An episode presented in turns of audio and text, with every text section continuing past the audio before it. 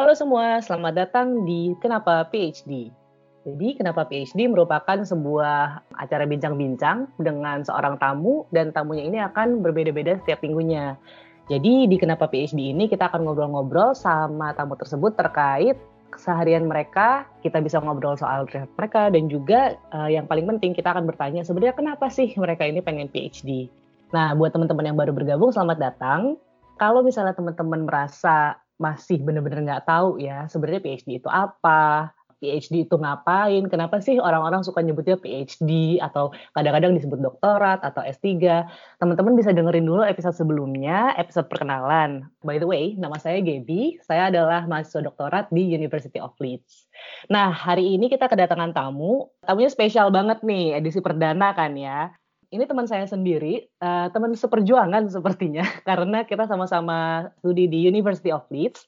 Tapi Mas yang satu ini studinya di School of Chemistry. Namanya Mas Muhammad Hisbul Waton dan dipanggilnya itu Mas Hisbul. Uh, atau kadang-kadang bisa disebut sebagai Mas MHW.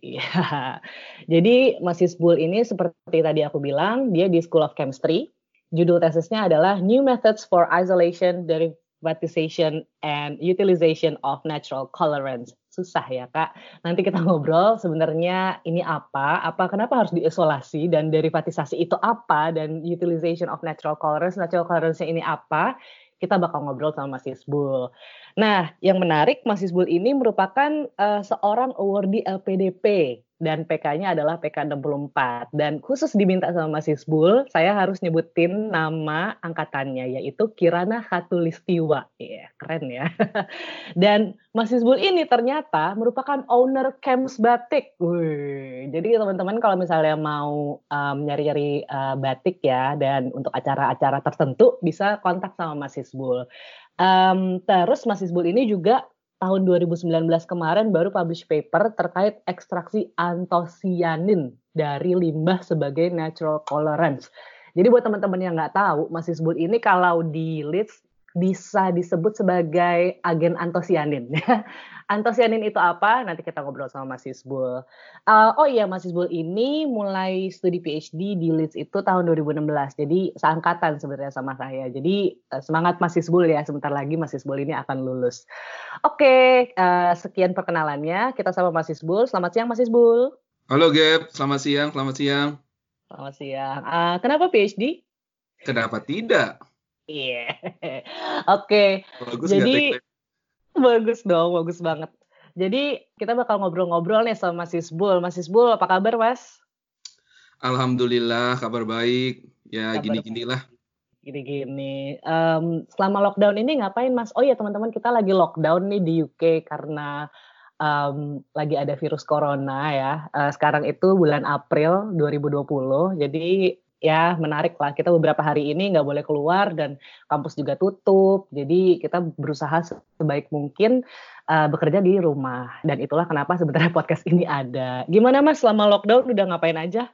Ya ini sih yang tadi Gaby bilang kan kampus menyarankan kita buat ini ya work from home. Jadi uh, lebih banyak ini sih analisis data terus nulis-nulis chapter. Ini kan udah tahun terakhir ya.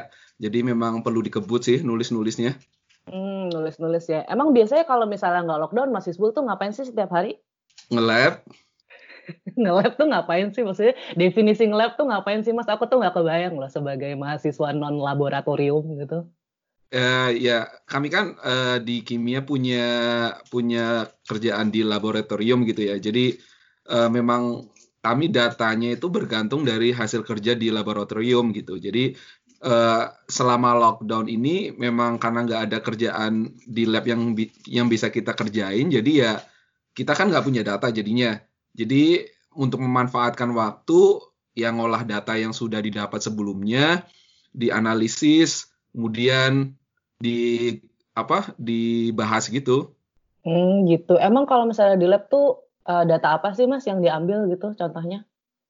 Oh, karena ini karena karena aku kan tadi uh, Gaby sempat nyebut kan risetku kan tentang pewarna ya, natural colorants.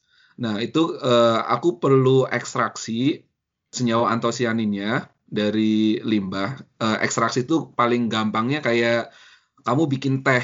Kamu punya ini kan kayak teh padat, kemudian dikasih air panas, kemudian airnya kamu minum. Nah, ekstraksi itu sama kayak gitu yang uh, yang aku kerjain. Jadi antosianinnya ada di uh, limbah, kemudian uh, diekstraksi pakai pelarut, kemudian si larutannya itu dimurnikan, kemudian dimodifikasi, kemudian dianalisis. Kayak gitu-gitu sih. Oh gitu, jadi lebih ke ekstraksinya gitu ya. Sehari ngelab tuh bisa berapa jam sih mas normalnya? Normalnya berangkat jam 9, pulang jam 5 sih. Tapi ya tergantung kalau misalkan masih ada kerjaan di lab bisa pulang lebih lama atau berangkatnya diawalin gitu. Ada jam bukanya nggak mas kalau lab tuh? Kayak buka jam berapa, tutup jam berapa atau memang accessible 24 jam atau gimana sih kalau lab tuh? Ini ini uh, privilege buat PhD student sih. Kami kan dikasih kunci fob gitu kan. Jadi uh -huh. kami punya akses 24 jam untuk uh, masuk ke lab. Jadi kayak sebenarnya eh, nggak uh, ada guideline guideline untuk masuk jam 9 sampai jam 5. Jadi kita kayak ngatur waktunya sendiri kapan mau masuk lab, pulangnya kapan. Yang penting kerjaan di lab selesai aja gitu. Kadang misalkan kita kayak ngerasa oh Senin sampai Jumat belum selesai nih di kerjaan padahal perlu uh, ngumpul deadline ke supervisor. Jadi kayak nambah kerja di weekend. Oh gitu. Terus kayak kalau misal kerja udah lewat jam 5 gitu heaternya masih nyala mas di lab? Atau emang nggak ada heater atau gimana? Maksudnya terutama kan kalau musim dingin gitu kan kayaknya kurang nyaman gitu kalau kerja dingin-dingin. Tuh gimana mas Uh, kebetulan kalau di labku sih ada ini ya uh, apa namanya heater portable gitu, jadi bisa dinyalain kapan pun sih kalau kalau lagi dingin ya udah dinyalain aja gitu. Beruntung sih sebenarnya. Ah oke oke beruntung banget ya, jadi nggak jadi dan maksudnya benar-benar bisa kejar kapan pun. Iya benar dan nggak bakal kedinginan. Oke oke. Nah jadi tadi kan aku udah sebutin tuh judul risetnya ya New Methods for Isolation, Derivatization, and Utilization of Natural Colorants ya pun belibet. Um, Mas Isbul bisa cerita nggak sih sebenarnya topik risetnya ini apa gitu ya? Mungkin ceritain selama tiga menit gitu kita sok-sok three minutes thesis. boleh boleh. Gaby pernah ini nggak uh, pernah dengar tentang antosianin sebelumnya nggak? Pernah baca-baca Sebelum... gitu sebelumnya? sebelum Mas Isbul menyebutnya di sini saya belum pernah kenal. Jadi pertama kali dengar antosianin itu 2016 bulan apa itu waktu curdis kita lah curhat akademis kita itu. Uh, jadi kalau uh, misalkan ya kita ke taman gitu ya, terus kita lihat ada bunga yang berwarna-warni, kemudian pas lagi spring atau uh, pas sorry pas lagi autumn itu kan ada kayak pergantian warna daun kan. Kemudian kalau misalkan kita ke supermarket itu ada beberapa buah-buahan yang berwarna-warni gitu. Nah, antosianin itu adalah senyawa yang menyebabkan warna itu timbul pada buah, sayuran, atau dedaunan. Nah, si antosianin ini kalau di tumbuhan itu dipakai untuk perlindungan diri dari uh, eh, UV light biar biji yang ada di dalam buahnya itu tidak rusak dan juga bisa digunakan untuk uh, menarik apa ya insek biar membantu penyebaran serbuk sarinya atau biji-bijinya biar tersebar untuk mereka survive di alam. Nah, yang aku gunakan sebagai bahan bahan pokok gitu ya eh, atau sumber dari antosianin itu dari limbah kulit eh, namanya Aronia chalkberry. Jadi nama latinnya itu Aronia melanocarpa, eh, bahasa Inggrisnya black chalkberry. Ini ini menarik juga nih kenapa mereka disebut chalkberry jadi si aronia berry ini yang aku pakai itu dia rasanya tuh kalau di Indonesia bisa disebut kayak sepet gitu loh. Sepet terus ketika dimakan membuat orang itu kayak sedikit choking gitu. Makanya kenapa disebut sebagai berry. Nah, dibandingkan dengan uh, jenis-jenis yang berry yang lain, si aronia ini memiliki kandungan antosianin yang jauh lebih tinggi, tapi dengan profil antosianin yang lebih sederhana. Ini tentang antosianin dan uh, aronia cokberinya. Kemudian kenapa harus limbah gitu. Kalau kita baca-baca gitu ya, laporan beberapa laporan itu menyebutkan bahwa limbah dari produksi makanan itu sebanyak sepertiganya. Jadi kayak uh, sepertiga dari jumlah sampah itu berupa uh, makanan ya. Kemudian dari industri berry itu sendiri, jadi kan uh, kalau berry itu biasanya kan dipres gitu ya, dipres kemudian menghasilkan jus berinya dan ada namanya pomes atau kita sebutnya skin waste gitu ya. Nah, itu ternyata kandungan antosianin di dalam kulit itu lebih banyak dibandingkan di dalam jusnya. Bisa dibayangkan ya, kalau misalkan kita punya limbah makanan, tapi ternyata limbah itu tuh masih punya potensi untuk dikembangkan lebih lanjut.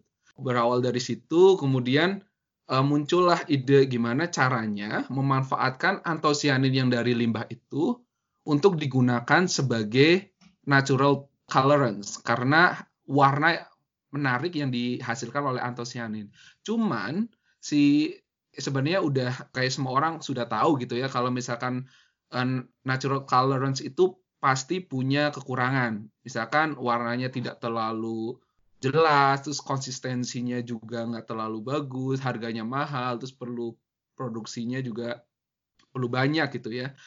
Jadi perlu adanya suatu langkah untuk memodifikasi si antosianin ini biar dia bisa bermanfaat gitu, bisa uh, apa lebih apa ya namanya kestabilannya lebih ditingkatkan terus uh, karena kan si antosianin ini kan dia larut dalam air ya.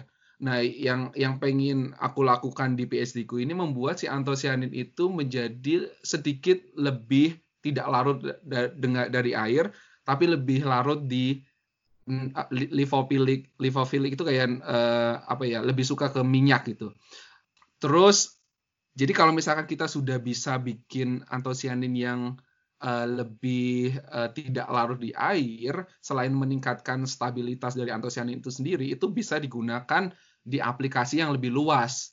Contohnya aplikasi untuk tekstil kosmetik dan juga obat-obatan. Kurang lebih gitu sih Gap. Uh, lebih dari tiga menit kayaknya ya. Nggak apa-apa mas. Jelas kok ngerti. Um, mungkin pertanyaan dasar banget sih mas. Warna yang dihasilkan itu sebenarnya warna apa sih mas yang dicari dari cokberry ini Uh, iya, kalau kalau kalau berry-berry secara umum itu kan mereka tersusun jadi antosianin itu kan kayak nama nama golongannya gitu ya. Nanti dari golongan itu kan ada banyak lagi nih cabang-cabangnya. Kayak misalkan kimia terus ada kimia organik, kimia anorganik, kimia analitik, biokimia gitu-gitu ya. Nah, yang kebetulan yang ada di cokberry itu namanya cyanidin. Cyanidin ini dia lebih memunculkan warna merah. Oke, warna merah ya yang dicari. Jadi kayak uh, saya kebayangnya sebagai ini ya, sebagai uh, non expert gitu ya Berarti nanti bakal ada kayak shade-shade-nya juga gitu ya Mas ya? Maksudnya lebih ke warna yang merah yang seperti apa atau gimana? Itu kayak dicari nggak sih?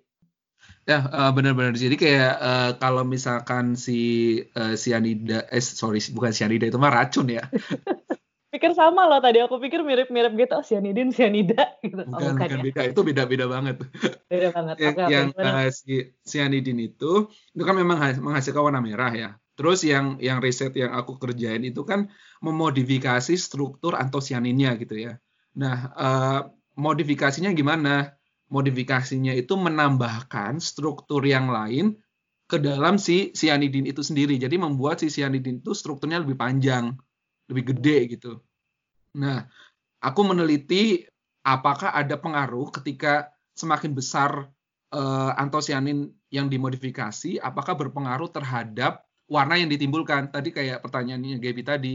Jadi uh, ini riset uh, lanjutan yang bakal aku lakuin sebenarnya setelah yang harusnya dilakukan ini nih sekarang nih sebelum lockdown, tapi mungkin bakal tak lakuin setelah ini nih setelah lockdown. Jadi kalau udah udah bikin nih senyawa yang beda ukurannya nih, nanti kan diuji. Nah, harapannya ketika diuji itu dia bakal menghasilkan kayak warna merahnya tuh warna merah yang yang tadi kayak berbeda-beda gitu. Mungkin secara kasat mata mungkin tidak terlalu bisa membedakan gitu ya warna merah apa, warna merah apa, warna merah apa. Tapi aku yakin kalau perempuan ini mesti tahu nih warna merah itu nggak cuma warna merah, tapi warna merahnya itu banyak, warna merahnya itu bervariasi ya. Nah itu bisa caranya kita bisa tahu perbedaan warna merah satu dengan yang lain itu dengan salah satu instrumen. Instrumennya itu nanti dia bisa mengukur kayak panjang gelombang maksimum warna merah. Misalkan A ya, warna merah A, warna merah B, warna merah C, itu nanti kita bisa lihat secara secara uh, apa namanya mikroskopik itu bisa dilihat kira-kira dia panjang gelombangnya itu berapa gitu. Walaupun sama-sama merah, tapi belum tentu mereka punya panjang gelombang yang sama. Jadi kita nggak mengandalkan mata kita sendiri gitu kira-kira. Keren, keren, yeah. keren, keren. Terus kalau misalnya um, riset ini udah selesai gitu ya, uh, berarti kan aku udah ini sih udah aku udah kebayang gunanya berarti kan kayak kalau misalnya ada limbah daripada limbah itu dibuang kita pakai si limbah itu sebagai natural colorants itu bisa atau tidak gitu kan. Nah terus kalau misalnya uh, dari Mas Isbul sendiri kebayangnya ini bakal dipakai sama siapa sih Mas? Maksudnya kayak usernya nanti kira-kira siapa gitu? Usernya itu adalah Camps Batik. Camps Batik. Jadi sebenarnya ini adalah uh, le lebih ke upaya untuk menyelamat menyelamatkan lingkungan ya. Oh, wow, uh, jadi boleh, kan, boleh. kalau kalau apa ya, kalau aku kan di, di kalau kan sebatik itu kan memang pakai masih jujur aja masih pakai uh, pewarna sintetik yang dia bersumbernya itu dari minyak bumi gitu. Kemudian tidak bisa dipungkiri bahwa industri pembuatan batik secara tradisional itu belum apa ya menerapkan pengolahan limbah secara baik gitu. Ada beberapa uh, industri rumahan gitu ya, industri skala kecil uh, produksi batik yang masih membuang limbah war, apa hasil hasil pencelupan warna itu langsung ke sungai gitu. Padahal si pewarna-pewarna itu berpotensi untuk uh, apa ya menjadi senyawa karsinogenik penyebab kanker gitu. Kalau misalkan dia tidak di treat treatment secara baik dan punya kontak uh, langsung gitu dengan uh, manusia. Jadi kayak itu sebenarnya yang awalan kenapa sih kenapa sih harus melakukan riset ini gitu. Salah satunya yaitu kayak memberikan suatu alternatif pewarna alami, tapi pewarna alaminya itu sudah dimodifikasi. Jadi kayak harusnya sudah mengeliminasi keterbatasan yang dimiliki oleh pewarna alami yang udah ada gitu dan juga bisa harusnya ya harusnya bisa mengurangi limbah dari uh, pewarna sintetik yang dibuang secara sembarangan di di di lingkungan kita. Oh gitu. Jadi aku kebayangnya kayak mungkin um, orang kalau pakai pewarna sintetik tuh lebih karena yang tadi Mas Iswul bilang nggak ya, yang tadi kalau misalnya si pewarna alami ini dia lebih senang sama air. Jadi kayak kalau misalnya kita nyuci batik itu kan batiknya luntur. Apakah itu yang Mas Isbul coba coba pegang gitu? Maksudnya biar dia nggak ke mana-mana yang tadi Mas Isbul bilang biar lebih suka sama minyak daripada sama air. Itu bukan Mas hambatannya salah satunya? Uh, mungkin iya ya salah satunya itu. Uh, tapi yang paling mungkin yang paling uh, menonjol gitu kali ya uh, itu tuh tentang warna yang dihasilkan dari pewarna sintetik dan harganya sih.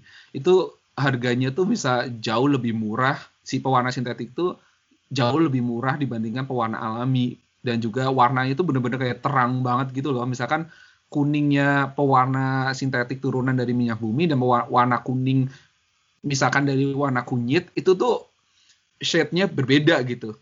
Kalau yang oh, pewarna sintetik itu bisa ngejreng banget gitu. Oke oke, ngerti ngerti ngerti. Oke, jadi memang diusahain biar dapat warna yang diinginkan dari pewarna yang natural gitu ya, yang dari yeah. pewarna alami gitu ya. Nah, kita kan udah ngobrol-ngobrol nih soal risetnya nih. Semoga tetap bisa kerja ya walaupun labnya lagi tutup gitu. Sekarang kita mau tanya-tanya nih lebih dalam lagi. Kenapa sih Mas Isbul kepikiran ngambil PhD gitu dan Mas Isbul tuh sebelum sebelum kenapa mungkin ini deh. Dari kapan sih Mas Isbul tuh pengen ngambil PhD? Oke, uh, menarik nih pertanyaannya. Jadi aku kan dari uh, asalnya kan dari Brebes ya, mungkin yang belum tahu Brebes Jawa Tengah. Jadi uh, kalau dari dulu mungkin dari SMA ya, aku cerita dari SMA ya. Uh, mungkin dari S, uh, sampai SMA sorry, sampai SMA mungkin role modelku itu kan bapakku ya. Bapakku kan guru, guru uh, di SD gitu. Jadi kayak memang uh, aku kan pengen jadi guru gitu. Jadi kayak melanjutkan kuliah S1-nya kan di pendidikan kimia UNY ya. Kemudian sampai situ tuh aku belum kepikiran tuh kayak lanjut S2, S3 gitu belum ada. Jadi kayak pengennya uh, lulus SMA, lanjut S1, pulang ke Brebes, jadi guru kimia gitu di SMA. Tapi pas lagi kuliah gitu ada dosen gitu kan, ada beberapa dosen yang memang lulusan luar negeri gitu yang yang memotivasi gitu, motivasi biar kuliah lanjut gitu, kuliah lanjut nggak uh, cuman S1 tapi bisa ke jenjang selanjutnya gitu. Terus juga mungkin karena ambisi pribadi gitu ya. Mungkin karena aku juga pengen jadi uh, dosen akhirnya setelah tadi berubah dari pengen jadi guru terus berubah pengen jadi dosen kan uh, kualifikasi minimum jadi dosen itu kan PhD gitu ya jadi ya ya udah gitu untuk uh, memenuhi passion ya harus ambil PhD gitu Terus kenapa secepat ini Mas? Kayak Mas Isbul kan kayak masih muda gitu ya. Asik. Kayak kenapa nggak uh, nanti-nanti aja gitu. Sebenarnya kenapa kenapa harus 2016? Ya, aku kan lulus S2 itu kan 2014 ya. 2014 lulus, kemudian 2015 itu kerja, uh, 2016 baru uh, eh, PhD. Sebenarnya ya karena pengen cepet jadi dosen aja sih gap kayak ya udah waktunya kerja yang sesuai dengan passion gitu. Makanya ya ya udahlah ambil aja PhD gitu. Karena mumpung masih muda juga gitu. Kalau udah takutnya kalau udah kerja terlalu lama terus udah nyaman gitu nanti kalau mau lanjut PhD-nya lagi tuh agak malas mungkin itu buat pribadiku sendiri sih. Hmm, oke oke oke. Jadi lebih cepat lebih baik ya. Iya, kurang lebih ya. kayak gitu sih. Oke oke oke. Terus Mas Isbul sebelum ke Leeds nih sempat apply ke mana aja dan kenapa akhirnya ngambil Leeds University? Ini ini uh, lumayan lucu juga sih uh, kejadiannya. Jadi jujur aku tuh cuman apply ke profesorku ini aja sih. Jadi Wow, oke. Okay. jadi aku kan bikin ini ini kan kayak apa sih namanya cover letter gitu ya, cover letter terus uh, nyiapin CV gitu, terus kirim email ke supervisorku yang sekarang gitu. Aku kan mikirnya coba dulu lah satu-satu gitu kan. Maksudnya kayak kirim email satu ke satu profesor, kemudian dua minggu lagi kirim lagi ke profesor yang lain gitu. Eh kebetulan pas lagi kirim email ke supervisorku yang sekarang, uh, sekitar 15 menit setelah aku kirim email itu dibalesin. Kayak hmm. ya kamu ini aja langsung ke apa namanya bagian administrasi kampus untuk kayak apa memenuhi semua persyaratan biar kita tuh bisa menyeleksi kamu uh, lebih apa ya lebih tepat gitu. Ya udah dari situ aku langsung ngikutin semua persyaratan yang disyaratkan sama University of Leeds, ngikutin semua tahapan seleksinya, ya ya udah sampai akhirnya dapat letter of acceptance. Wih, cinta pertama dan terakhir ya kak ya? Iya, sebenarnya agak kaget sama kayak agak malas juga gitu loh kayak maksudnya kayak udah diterima terus topiknya memang uh, topik risetnya memang sesuai gitu jadi ya ya udahlah ngapain lagi sih nyari-nyari ini yang lain gitu Oke oke. Terus topiknya waktu itu dapat dari Uni atau Mas Isbul bawa sendiri atau gimana sih kalau khusus buat topiknya Mas Isbul ini? Iya, yeah, uh, kalau kalau di awal sih pas aku lagi apply, uh, pas lagi aku bikin cover letter, memang aku kan sebelumnya kan uh, riset dulu ya si supervisorku ini uh, risetnya tentang apa aja nih gitu. Salah satu risetnya itu uh, si supervisorku tuh pernah publikasi tentang natural colorant juga, tapi bukan tentang antosianin kayak uh, natural product yang lain. Nah kemudian uh, aku kan pas S1 juga pernah riset tentang antosianin kan. Terus uh, ya udah kayaknya nih match nih antara riset yang pernah aku lakuin sama aku juga tertarik pengen mengembangkan pewarna alami gitu kan. Awalnya memang pewarna alami untuk batik, tapi kayaknya sekarang mungkin uh, jangkauannya bisa lebih luas sih, bisa untuk teks uh, apa namanya kosmetik juga. Uh, terus uh, apa namanya setelah dapat ini kayak kecocokan gitu, akhirnya ya kita langsung diskusi gitu sama supervisor ini saya pengennya risetnya tentang ini terus kira-kira bisa nggak ya gitu Terus si supervisor saat, saat itu sih belum belum membahas secara detail sih. Kayak aku bakal ngerjainnya tentang aronia cokberry itu tuh belum ditentuin di awal sih. Jadi kayak itu topik itu kayak baru general idea gitu. Aku bakal ngerjain tentang uh, pewarna alami. Nah, aku dapat topik yang spesifik tentang aronia cokberry-nya tuh pas udah nyampe di Leeds. Oh gitu. Oke oke oke oke. Jadi memang kayak pokoknya Mas Isbul tahunnya pengen riset tentang antosianin, terus pas udah di Leeds ngobrol sama supervisor dan ada uh, khusus projectnya salah satu apa ya namanya studi kasus lah ya, studi kasusnya pakai chalkberry gitu ya Mas ya? Iya iya iya betul.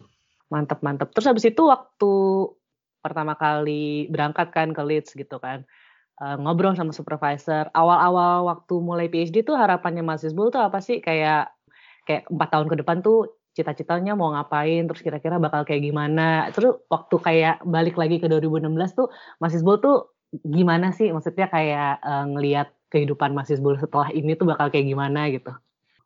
Mungkin pas lagi pertama kali datang ke sini memang kan tujuannya pengen belajar ya. Maksudnya tidak tidak bisa dipungkiri juga bahwa fasilitas yang disediakan sama kampus Leeds itu kan cukup memadai ya jadi memang aku dari awal tuh pengen belajar semua semua instrumen yang mendukung riset sih.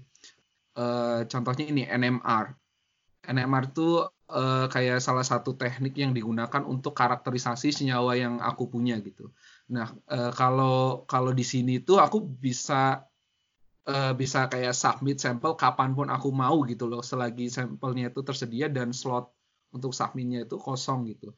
Dan itu tuh yang kayak belajar semua instrumen sih yang yang aku kayaknya pengen pengen lakuin di awal gitu. Terus uh, bisa publikasi uh, selama selama PhD, terus bisa lulus empat tahun sesuai dengan kontrak si LPDP gitu-gitu sih kayaknya nggak nggak terlalu yang nggak terlalu wah banget kayak intinya risetnya jalan uh, sempat ikut conference terus sempat publish terus kalau sudah selesai empat tahun bisa balik lagi ke uh, apa Indonesia buat ngajar di universitas. Kayaknya sih kayak gitu sih ya. Oke. Okay. uh, eh, karena masih sebulan anak lab gitu kerasa nggak sih mas? Maksudnya kayak uh, waktu masih sebul kuliah di Indonesia gitu ya terus kayaknya masih sebul kan pernah pertukaran ke Jerman ya kalau nggak salah. Ya nggak sih? Uh, iya uh, dual degree. Dual degree ke Jerman. Nah itu tuh kayak bedanya lab di Indo terus di Jerman nge-lab juga nggak mas? Sorry. Iya iya di aku malah masternya nge-labnya di Jerman malahan. Ah oke. Okay. jadi kayak fasilitasnya tuh beda nggak sih di Indonesia di Jerman terus di Inggris gitu? Terus kayak Mas Bul ngerasa kayak ih yang ini keren atau atau kayak ada alat apa yang Mas Bul pengen ada di Indonesia? Misalnya nanti kalau udah balik atau ya cerita aja gitu Mas sebagai anak yang buta lab aku penasaran sih gitu. boleh boleh boleh uh, ya apa itu? Kadang ini fakta yang uh, agak menyedihkan juga ya kalau misalkan memang fasilitas penelitian di Indonesia memang uh, masih kurang memadai tidak bisa dipungkiri juga gitu. Yang yang bisa aku bandingkan uh, dari Jerman sama Inggris mungkin aku bisa bilang uh, fasilitas di Inggris masih lebih bagus sih. Kayaknya si apa institusi di Inggris itu benar-benar kayak mau investasi duitnya itu untuk memberikan fasilitas yang paling canggih gitu. Untuk apa ya untuk tujuan riset gitu.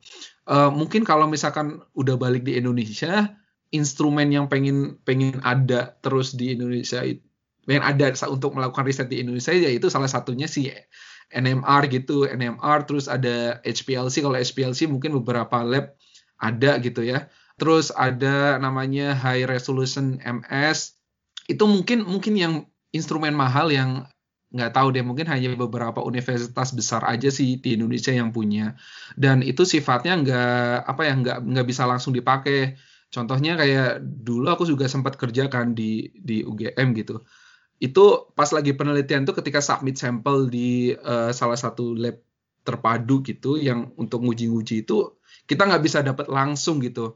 Jadi kita perlu waktu kayak seminggu gitu. Padahal nggak semua senyawa itu bisa bertahan selama seminggu dalam solvent itu gitu. Ada yang butuh dianalisis secara langsung ketika kita sudah membuat suatu reaksi, ketika sudah kita mempersiapkan larutan itu untuk dianalisis, harusnya saat itu juga untuk dianalisis. Tapi sayangnya kalau di Indonesia mungkin ini karena keterbatasan uh, pengetahuan yang aku tahu ya, ini berdasarkan pengalaman, itu kayak butuh waktu gitu loh untuk si solution itu untuk dianalisis. Jadi itu kadang uh, mungkin bisa merusak si atau mendegradasi senyawa itu sebelum dia dianalisis dan pastinya hasil yang dihasilkan juga pasti error kan atau tidak sesuai dengan uh, seharusnya.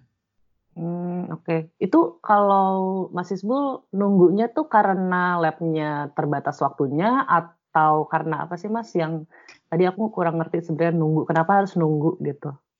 Uh, kalau yang di Indonesia ya maksudnya ya. Mm-hmm. Kalau di Indonesia tuh nunggunya gara-gara kayaknya ngantri deh. Bukan bukan kita sendiri yang uh, jadi operatornya. Kan kita kayak Oh, jadi operatornya kita bukan submit, Mas. Uh, kita submit sampel terus uh, terus orang lain itu yang uh, menganalisis untuk kita sedangkan kalau di sini kan kalau kita PhD kan melakukan semuanya serba sendiri ya uh, dalam yeah, artian yeah. hal-hal dari hal kecil sampai hal yang besar itu kita lakukan sendiri gitu. Jadi kayak dari misalkan saya uh, misalkan aku kayak uh, apa namanya ekstraksi kemudian persiapan sampel untuk dianalisis terus mengoperasikan alatnya itu kan sendiri. Ya kecuali ada beberapa alat yang restricted yang yang hanya uh, apa operator atau laborannya yang boleh mengoperasikan tapi itu jumlahnya sedikit gitu. Lebih banyak kita yang melakukan sendiri.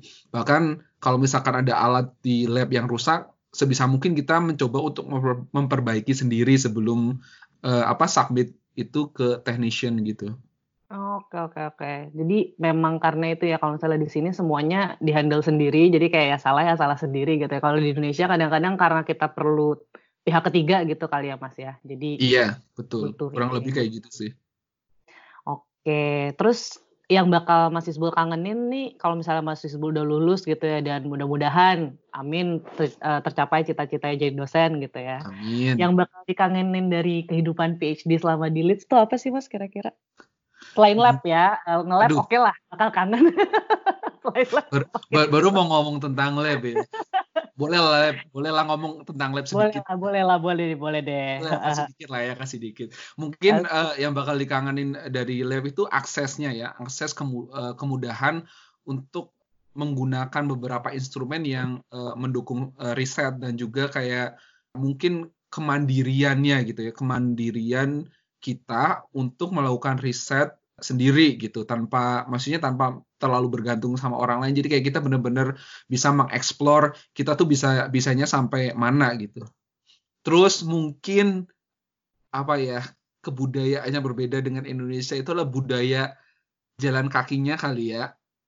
Hmm, kalau di sini kan ya. ke mana-mana kita lebih banyak jalan kakinya dibandingkan uh, menggunakan transportasi pribadi gitu kan dan juga mungkin karena didukung oleh udara yang sejuk ya. Bisa dibayangkan gitu misalkan kita ada di kota besar kemudian kita jalan kaki itu kan panas ya. Jadi kadang untuk memudahkannya kita pakai paling nggak paling pakai motor lah untuk berpergian.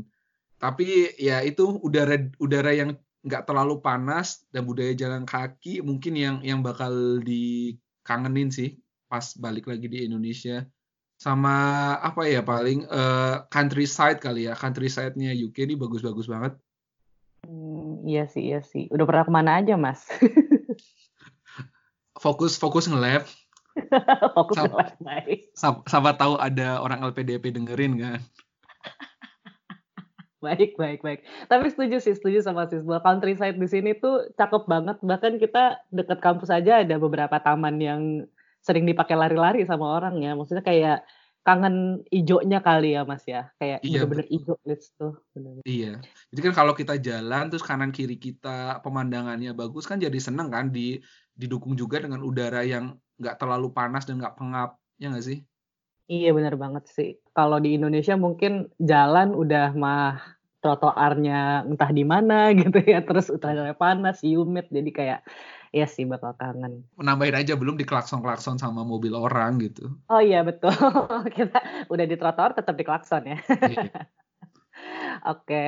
Uh, eh, pertanyaan terakhir nih Mas sebelum kita tutup. Kalau misalnya Mas Isbul bisa kembali ke masa-masa sebelum Mas Isbul berangkat ke Leeds sebelum nih ya. Jadi sebelum Mas Isbul bahkan sudah di Leeds gitu ya. Mas Isbul hmm. mau ngomong apa sih sama diri Mas Isbul 4 tahun lalu itu?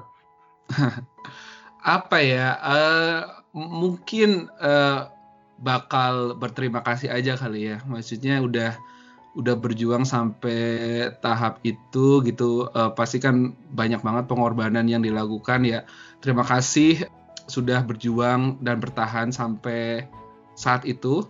Mungkin sarannya kurang-kurangin menunda-nunda pekerjaan kali. Dan juga uh, apa ya terus berusaha untuk rendah diri kali ya jangan jangan terlalu percaya diri rendah juga. hati kali ya mas. Iya ya maksudnya jangan terlalu percaya diri juga gitu Ma- Oke. eh, ada saatnya di mana kita juga harus merenung gitu ya merenung dan dan tahu diri juga eh, banyak juga orang-orang yang mungkin lebih lebih pintar dari kita gitu terus belajar aja sih. Oke terus belajar. Ya terima kasih mas Isbul atas waktunya. Sama-sama Iya, seneng banget bisa ngobrol-ngobrol di episode pertama ini. Sukses kegiatannya, sukses penyelesaian tesisnya. Iya, dan mudah-mudahan sempat nge-lab ya sebelum ini, sebelum pulang, em, walaupun di tengah badai corona ini. Jadi benar-benar semua datanya selesai, Mas Isbul bisa nulis, dan nanti Wi-Fi-nya lancar. amin amin ya robbal alamin terima kasih banyak sama-sama lah buat Gaby juga Amin, amin. Yo, dadah Mas Isbul, selamat siang. Salam buat Mbak Tias ya. ya bye bye Bye.